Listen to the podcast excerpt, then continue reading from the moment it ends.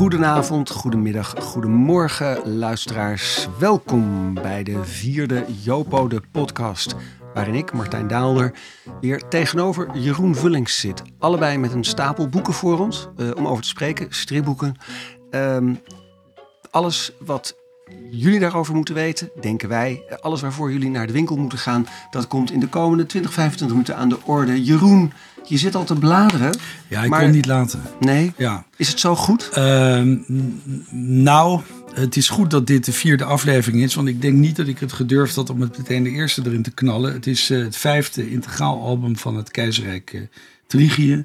Don Lawrence uh, heeft het prachtig getekend. En Michael Butterworth heeft, heeft de verhalen verzorgd. En ik merk dat ik het nog steeds enorm interessant en fascinerend en ja, een, een licht uh, zondig plezier vindt. Ja. Licht zondig? Ja, natuurlijk, want het is de knetterfout als je het uh, vanuit de huidige tijd bekijkt. Maar ook als je het in de jaren tachtig uh, las, dan ja. maar tegelijkertijd heb ik het nooit zo beschouwd. Kijk, die, het, speelt in een toekomstige wereld, dat weet je net zo goed als ik. En dan, dan heb je een soort Romeinen, dat zijn de Trigiërs, maar die hebben wel een soort futuristische wapens. En ja, dan zijn er allemaal mensen van andere rassen. En de ergste zijn groene mannetjes, de Lokiërs, die deugen echt niet. Maar je hebt nobele wilden, de Davelis, een soort Zulus, die staan aan de goede kant. En de een is blauw. En dat neem je als kind allemaal voor lief. En daar zat ik dus net een beetje naar te kijken van waar ben ik nou weer in terecht gekomen. En tegelijkertijd ken ik alle verhalen uit mijn hoofd weer. Je kent ze uit je hoofd. Ja, dat is ook tamelijk simpel, omdat het korte verhalen zijn. Ik denk ook niet dat Trigie een lange boog had kunnen hebben. En, uh, en eigenlijk zijn ze behoorlijk uh, gebaseerd op klassieke mythologie. Er is bijvoorbeeld op een gegeven moment een uh, verhaal dat, dat ik ben even kwijt wie, Trigo, keizer Trigo of zijn neef Janno, in zover ken ik het niet weer goed uit mijn hoofd, die moet allemaal goede daden doen. En dat heb ik toch wel allemaal onthouden. Onder andere bijvoorbeeld, hij moest een tiran moest hij van zijn troon stoten. En ik heb dat toch een belangrijke levensles onthouden. Dat, ja, dat kan je allemaal doen. Luisteraars, luisteraars. Ik zit hier tegenover iemand die belangrijke levenslessen heeft. On, uh, uit strips, uit strips, ja, echt waar. Ja, en uit Trigië. Ja, maar, maar waar moet ik het dan vandaan halen? Nee, maar zonder dolle, dat was echt iets heel moois. Daar had uh, Machiavelli een puntje aan kunnen zuigen. Dus je hebt gewoon een tiran stootje van zijn troon. En dan is het uh, de gruwelijke waarheid is, je krijgt het nog erger terug. En, dat, en daaraan moet ik heel vaak denken als ik kranten lees. Ik, ja, ik vind het geen reden om een tiran niet van zijn kroon te stoten. Maar ik heb altijd het idee van, nou ja, net als in Trigië, krijg je nog erger terug. Ja. Zullen we nog eventjes de, de, de, even ja. de scene zetten voor iedereen die uh, niet... Uh, stond het nou in Shores of in Pep? In Shores, hè? Uh, nou, beide heb ik gelezen. Volgens mij staat het in Shores. En uh, het kwam natuurlijk uit Engeland. En waarom ik net zei dat ik het, ja, echt fout, weet je. Uh, in de jaren tachtig lag dit behoorlijk onder vuur vanwege het racisme erin en zo. Paradigma's, dat soort termen vielen. Maar je moet niet vergeten, het kwam uit Engeland. En als je naar Engelse boekhandels gaat, dan zie je dat Engelsen gek zijn op historische werken over Romeinen en nazi's. Het is altijd een rare voorkeur. Ook nautische literatuur. Zijn ze ook gek op. Dat is Engels. En Engelsen zijn ook wel dol op pulp. Nou, dan heb je de drie combinaties. Je hebt de combinatie van die drie elementen, zie je in Trigo.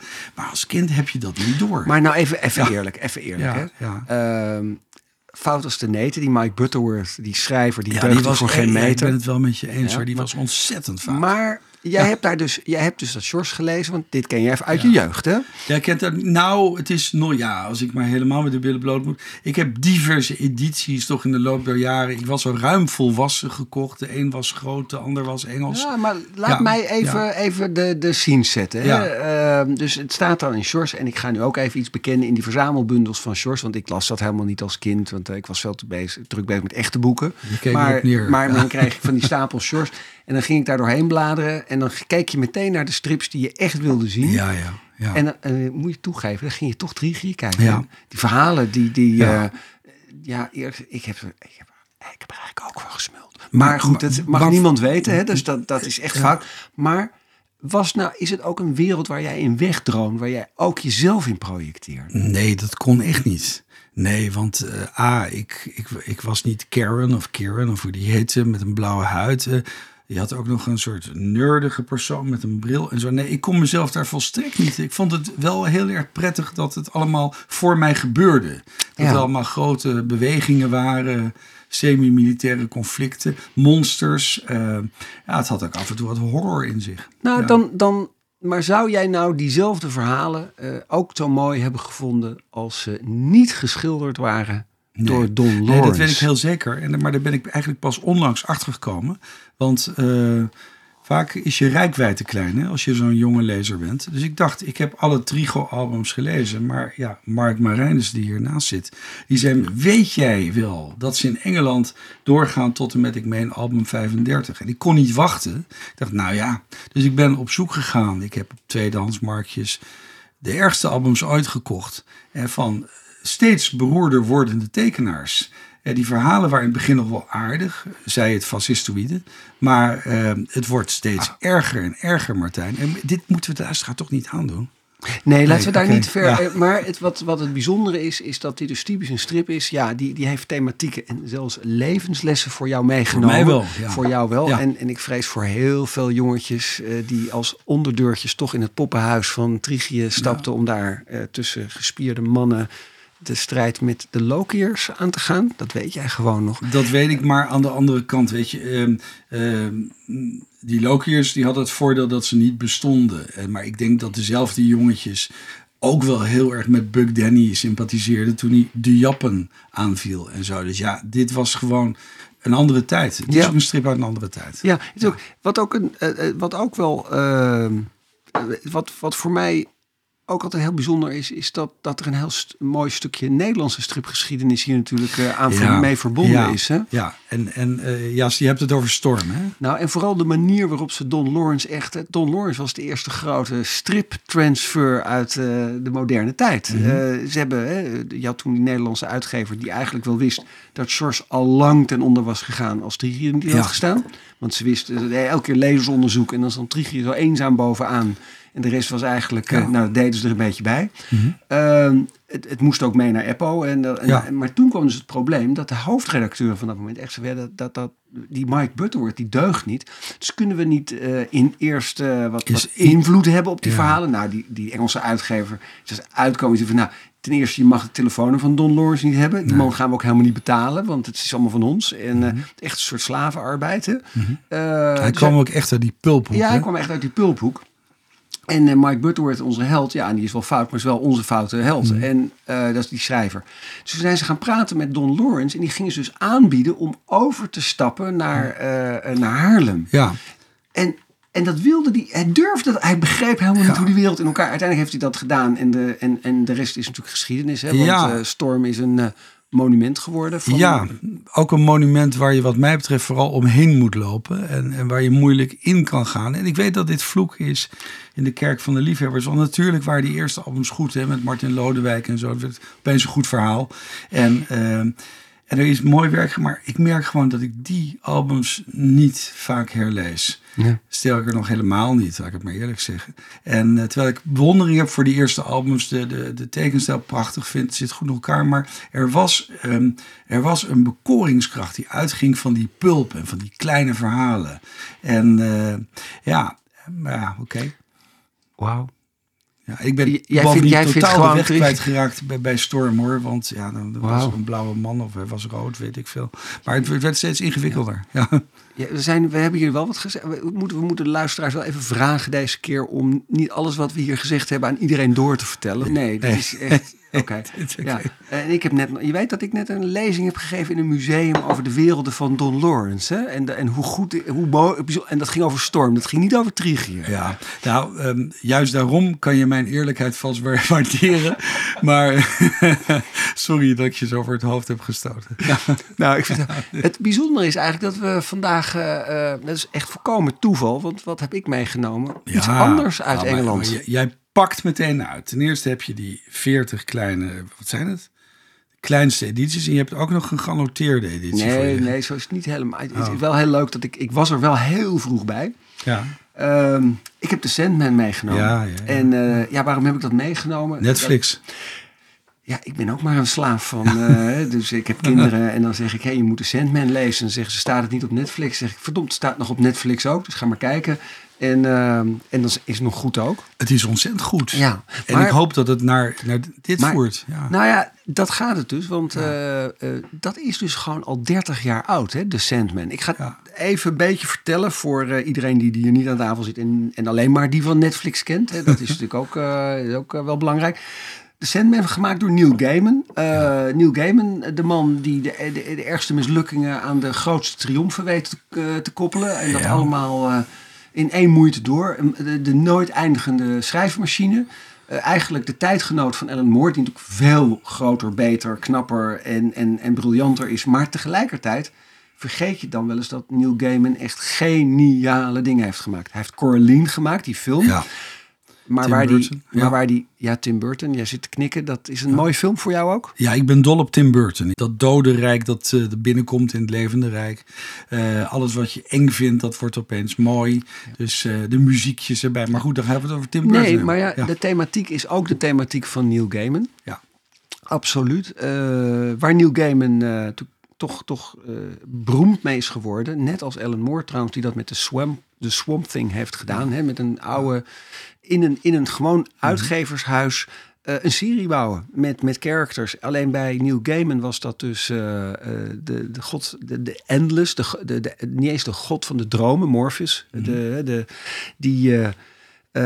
die gevangen wordt genomen door een, eh, door een, een tovenaar eigenlijk. Een gewoon, een gewoon mens ergens in het begin van de eeuw. Daardoor loopt het helemaal mis met de 20e eeuw. Het begint met de slaapziekte, want de, de Lord of Dreams is, is gevangen genomen. En eh, niet alleen is hij gevangen genomen, maar ook zijn, eh, zijn zandzakje en zijn, eh, en zijn juwelen en zijn masker zijn afgenomen. Die komen bij de verkeerde mensen terecht. Bijna 80 jaar later eh, komt hij vrij. We zitten dan in onze tijd. Dan is de Eerste Wereldoorlog, de Tweede Wereldoorlog en wat niet al gebeurt. En dat heeft allemaal met The Sandman te maken. Neil Gaiman pakt het altijd groot aan. Hè? Eh, de wereldgeschiedenis hangt samen met zijn boeken. En dan gaat de Sandman serie na serie eerst op zoek naar, eh, naar zijn juwelen. Maar daarna gaat hij zijn rijk herbouwen. En, krijgt hij zijn familie op bezoek. Hè? De andere Endless, Desire, Death, Destiny, al die andere. Ehm, elke keer andere tekenaars. Ja, Gelukkig ja, ja. altijd die. En, en, Niet altijd even goed, hè? Nee, Nee. dat viel mij ook op toen ik het helemaal ging herlezen. Voor mij is dat toch wel vaak de afknapper. De tekenaar, Afknapper zelfs. Absoluut. De tekenaar, die moet het voor mij. Dat, ja, ik heb het eerder gezegd. Ja, maar jij bent wel heel erg makkelijk. We zijn want- aflevering want vier, als die- Ik als die- herhalen. Ja, maar Ja. wacht even. Wacht even. Als, die, als de tekenaar niet deugt, dan, dan, dan haak jij af. Dan ligt het aan de schrijver. Maar dan is dat Mike Butterworth. Kom op, hé. Of zeg, ga even terug naar Trigie. Nou, ik heb die Butterworth voor lief genomen omdat eh, Don Lawrence het deed. Eh, maar goed, nee, dan gaan we naar Trigie. Maar eh, hij heeft Sandman heeft meer tekenaars. Ja. Hè? Dus 75 deeltjes. ja. Die uiteenvallen in eh, 10 verhalen, grote verhalen. Ja. Elke, ehm, eh, de eer, niet altijd even goed getekend. Nee, nee. Ongelooflijk veel tekst. Hè? Je bent gewoon... Heel veel tekst. Onvoorstelbaar veel tekst. Hele goede tekst.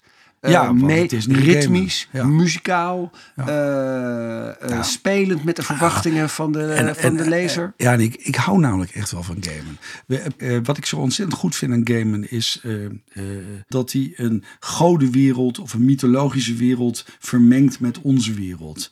En eh, ja, ik vind dat ten beste eigenlijk in zijn proza, dus het, het ongetekende werk van hem. En eh, waarin hij gewoon laat zien dat eh, ja, alle goden nog leven. En ze zijn ook allemaal nog maar in één continent samen te vinden en zo. En dat is prachtig. Dus op het moment dat mensen eh, een god, in een god geloven, dan komen ze tot leven. En dit soort noties heeft hij, waar, waardoor hij voor mij eigenlijk groter is dan Stephen King. Van wie ik trouwens ook houd hoor. Ook veel mooie boeken gelezen heb. Dus ja, ik vind hem wel echt een schrijver. En af en toe heeft hij iets prachtigs gedaan met tekeningen. Maar ja, eh, voor mij is hij eigenlijk meer iemand die Een schepper van werelden in de Britse traditie. werelden, ja, of Brits of fantasy, hoe je het wilt noemen. Maar in ieder geval die put uit iets, te- eh, uit, uit, uit een rijkdom, uit een surplus, waar heel veel schrijvers of tekenaars niet bij kunnen. En dat maakt het voor mij dat wanneer die scoort, scoort hij ook enorm. Daar komt het op neer eigenlijk. Hij heeft ook een En enorme met scha- Sandman heeft hij dat, want ik wil er niet vervelend over doen. Ik zat te zeuren over die tekenaars, maar ik vind het verhaal geweldig. Ja, en trouwens, de, verhaal, de tekenaars worden uh, aan, uh, allengs beter. Hè? Want Ja. eh, eh, in het begin eh, moest je het echt een beetje doen met mensen die het ook niet volhielden Ja. en die afhaakten en dan werden ze weer vervangen. Maar op een gegeven moment, eh he hits his stride en dan, dan wil echt iedereen ook de Sandman tekenen. Ja. En dan hebben ze een, een vaster team. Dan, dan heeft de Sandman ook zijn vaste entourage. Hè? Eh, Abel en Kane, de, de, Mhm. die, die tweeling die elkaar voortdurend naar het leven staat, eh, die, die zit er ineens bij. Eh, prachtige verhalen. Ehm, wat ik op een of andere manier altijd heel bijzonder vond, ik vraag me af wat jij ervan vindt, is dat elk boekje, eh elke cover, eh, was gemaakt, had een cover gemaakt door Dave McKean. Die eigenlijk een hele slechte striptekenaar is, maar een fantastische kunstenaar is. Die zich helemaal laat inspireren. En, maar die op een of andere manier, dat vond ik dan, ook de tekenaar die achter de cover schuil ging, een beetje in de schaduw stelde. Met zijn dromerige eh, beelden. eh, Ja, moeten we luisteren aan, aan zo, zoals, eh, want ik ga nu iets zeggen, zoals Frank Frazetta met Conan de Barbaar of zo. Dat je eigenlijk ja. denkt, ja, eh, geweldig, maar helaas krijg ik geen strip hiervan dan te lezen. Ja, dat is dat, dat. En dat is daarin. eh, de, da- dat is eigenlijk een ander. Dat speelt ook met, Mm. eh met Trigie. En dat is niet een kunstmatige parallel. Mm. Eh, er wordt een wereld gecreëerd. Die wereld is eigenlijk potentieel groter dan alleen de serie die je leest. Hè. Trigie kan je daar, zou je daarover kunnen Ja. twisten. Maar, maar goed, dat is, het is toch een, een, een, een, droomwereld die gemaakt is. Een fant- fantasywereld. Maar die tekenaars, die zou voor een Europeaan, Mhm. zoals jij helemaal, eh, zo belangrijk is om dat tot leven te wekken. En om je naar binnen te lokken. Ja, Die is voor die Britten lijkt die wel minder, eh, minder belangrijk. Ja ik, ik denk dat je daar volkomen gelijk hebt. Daar kan ik eigenlijk heel weinig aan toevoegen. Ik heb trouwens ook nog iets, maar dan haal ik je van Sandman af. Als je Nou, ik, wou- ik wou eigenlijk de Sandman nu dichtslaan ook. Want eh, ik heb hier, ik, wat ik nu dichtsla, dat ziet niemand, maar dat vertel ik er dan even bij. Eh, misschien in de show notes straks eventjes de, de titel. De, eh, de Sandman heeft inmiddels vier, vijf edities. Ze worden steeds mooier, duurder en bijzonderder. En dit is de annotated editie, waar ongeveer elk plaatje door Neil Gaiman, die al zoveel in de strip schrijft, ook nog eens erbij schrijft wat hij er allemaal mee bedoeld heeft. Ik weet niet of dat... Of ik dat allemaal ga lezen. Maar het zijn werkelijk prachtige boeken. Dus een van de dingen waar ik Neil Gaiman en de luisteraars eigenlijk ook ik, eh, de- waar ik de luisteraars op attent wil maken, is dit is een man die dingen bedenkt, die zo mensen inspireert, dat je eigenlijk alles wil zien wat er omheen gebeurt. En dat kan ook, want ik, dit boek zie ik nu voor de eerste keer. Wat ik eh, heel verleidelijk vind is het zwart-witte binnenin. Het oogt als een koffietafelboek. Je kunt er een inbreker mee doodslaan. Niet doen, luisteraars. Maar verder is het, eh, is het zeer aantrekkelijk. Ja. Ik heb eh, iets meegenomen omdat ik mezelf de vraag stelde. Dat is een reeks, Gung Ho, die een klein jaar geleden vijf delen is hij, is hij vervolmaakt. Is hij tot gekomen. Het is één verhaal van twee Duitsers die allebei von eigenlijk, ja, von Koemand, von Eckartsberg. Eckartsberg, rare namen. Ik denk dat dat von ook allemaal niet klopt. Heb Maar ze dit- geven ermee aan dat ze Duits zijn. En Heb je dit er- nou alleen maar meegenomen dat je echt iets wilde hebben waar ik nog nooit van gehoord had? Nee, ehm, Ja. ik, ik heb dit meegenomen omdat ik, ja, mijn hemel, Vertel ik mij kan me nou nergens vertel- meer vertonen in deze podcast. Omdat ik iets heb met zombie dingen en met apocalyptische dingen. en gevangenisdrama's, nou zijn we thuis. daar Nou heeft zijn we niks mee thuis. te maken. Nee, wat dit boek eh, biedt eigenlijk, is, eh, we hebben The Walking Dead eh, gelezen. We hebben de... We hebben ons geërgerd aan hoe vrij men met de strip is omgegaan in de serie die we ook wilden zien. Althans, als ik over mezelf spreek. Nou, en eh, ik dacht eigenlijk, je kan verder niks meer doen met dat genre. Italianen zijn het nog bloeddorstiger gaan maken en daar ben ik bij afgehaakt. Maar deze mensen, die hebben gewoon eh, twee genres die bij jongeren heel erg populair zijn. En dat zijn inderdaad zombies, maar ook dystopieën, anti-utopieën, ondergangsbeelden van, een, van een toekomstige wereld waar het kommer en kwel is. Die hebben ze verenigd. En in die werelden zie je altijd een patroon. Dan zie je altijd de ouderen, mensen zoals wij, hebben de wereld verpest. En jongeren kunnen maar één ding doen: hun krachten bundelen, onafhankelijkheid proeven en de wereld hervormen. Gek genoeg lees ik dat ook allemaal graag. Dat is denk ik het geheim van zo'n boek als The Hunger Games. En, en zij hebben dat hier gedaan. Dus dit gaat eigenlijk over eh, ja, een apocalyptische wereld. Je moet erg wennen aan het tekenstijl. Ik, ben er, ik moest er erg aan wennen. Eh, het lijkt wel 3D, maar het is echt getekend. En uiteindelijk, bij deel 5, ben je, ben je totaal om. Deel 5. Ja, het zijn vijf delen. De- Tezamen voor dat één verhaal. Het is van uitgeverij Sylvester. Dat vertel Oh ja. ik ook maar bij. En wat ik prachtig vind, het gaat voor twee jongens die eh, ja, zich door hun hormonen laten leiden. En die komen dan in zo'n kolonie. Ik moet het niet helemaal spoilen, want ik wil dat jou echt, eh, ik wil dat jij het gaat lezen. En dat is. eh, Ik ga het lezen. Oké, ja, gaat- nou, ik ga het lezen. Doel bereikt. Ja, missie dus geslaagd. De missie is geslaagd. Om Ik, met ik, te leg dit, ik leg Ja, dit dit- nu op mijn stapel, dus dit ga ik lezen. Ehm, ik had ook nog iets meegenomen. Kijk. Dat is iets heel anders. Eh, dat ga jij lekker lezen. Maar dat kan jij helemaal niet zo goed lezen. Want wat het mooie is, ik ben een, eh, ik ben een enorme fan van... In Char- Chinees? Char- Char- Oh, ja. nou ja, het zijn geen echte verhalen. Het zijn Oh, eh, wauw. aantekeningen, het zijn schetsen. Dit is eh, Charles Berberian. Die kennen we misschien nog van meneer Johan. Grote, ja, ja, ja, echt, wel. Ja. ja, echt een hele, een van de meest bijzondere series, hoe kort je ook heeft gelopen, ooit gemaakt. Een serie over dertigers, luisteraars. Als je hem nog een keertje denkt van, gaan er ook nog strips over ons en over onze levens en over hoe het is om eh, eh, jonge vader en moeder te zijn en je leven vorm te geven. Meneer Johan, het is twintig jaar geleden gemaakt. Het is nog altijd geniaal, maar het is, ook geweldig- geëindigd. Ja, Het is ook geëindigd. ken hem.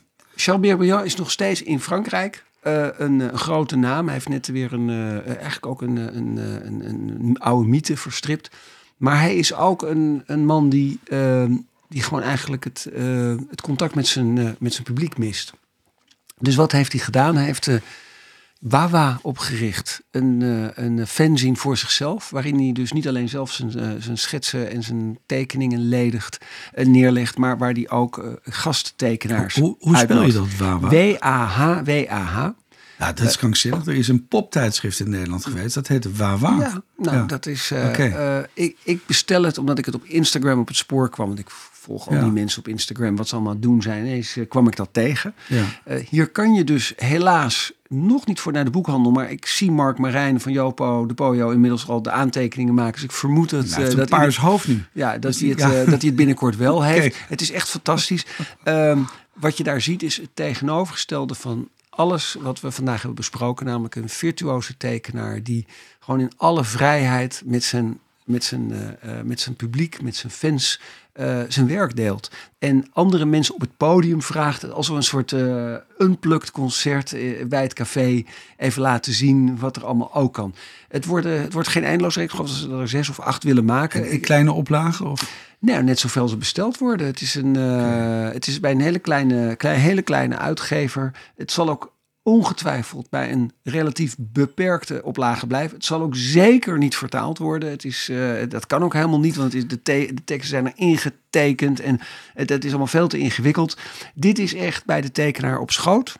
Ja. En eh, weet je, dat mis ik nog wel eens. En, eh, Nee, tuurlijk. Eh, Dat wou ik jou meegeven. Nou ja, mensen vragen wel eens, eh, verdoe jij je levenstijd niet met al die strips? Maar dan kan ik nu zeggen, nou, door deze podcast heb ik er iets geweldigs bij gekregen. Dankjewel Martijn.